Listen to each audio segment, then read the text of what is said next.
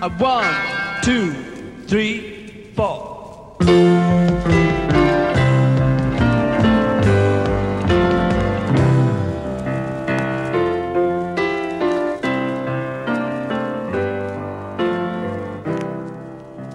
Środa. Słówko na dziś czyta Kevin Easton.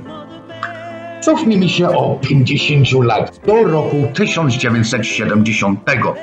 Właśnie wtedy zespół The Beatles nagrywał piosenkę Let It Be.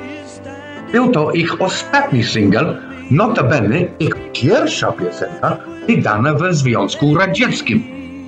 Niedługo potem się rozstali. Czy właśnie ten tytuł to zapowiadał?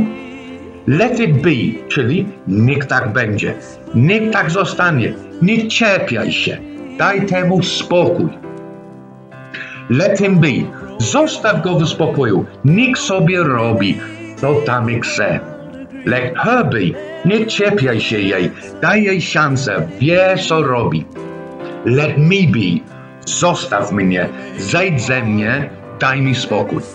I to było środa. Słówko na dziś czytał Kevin Easton.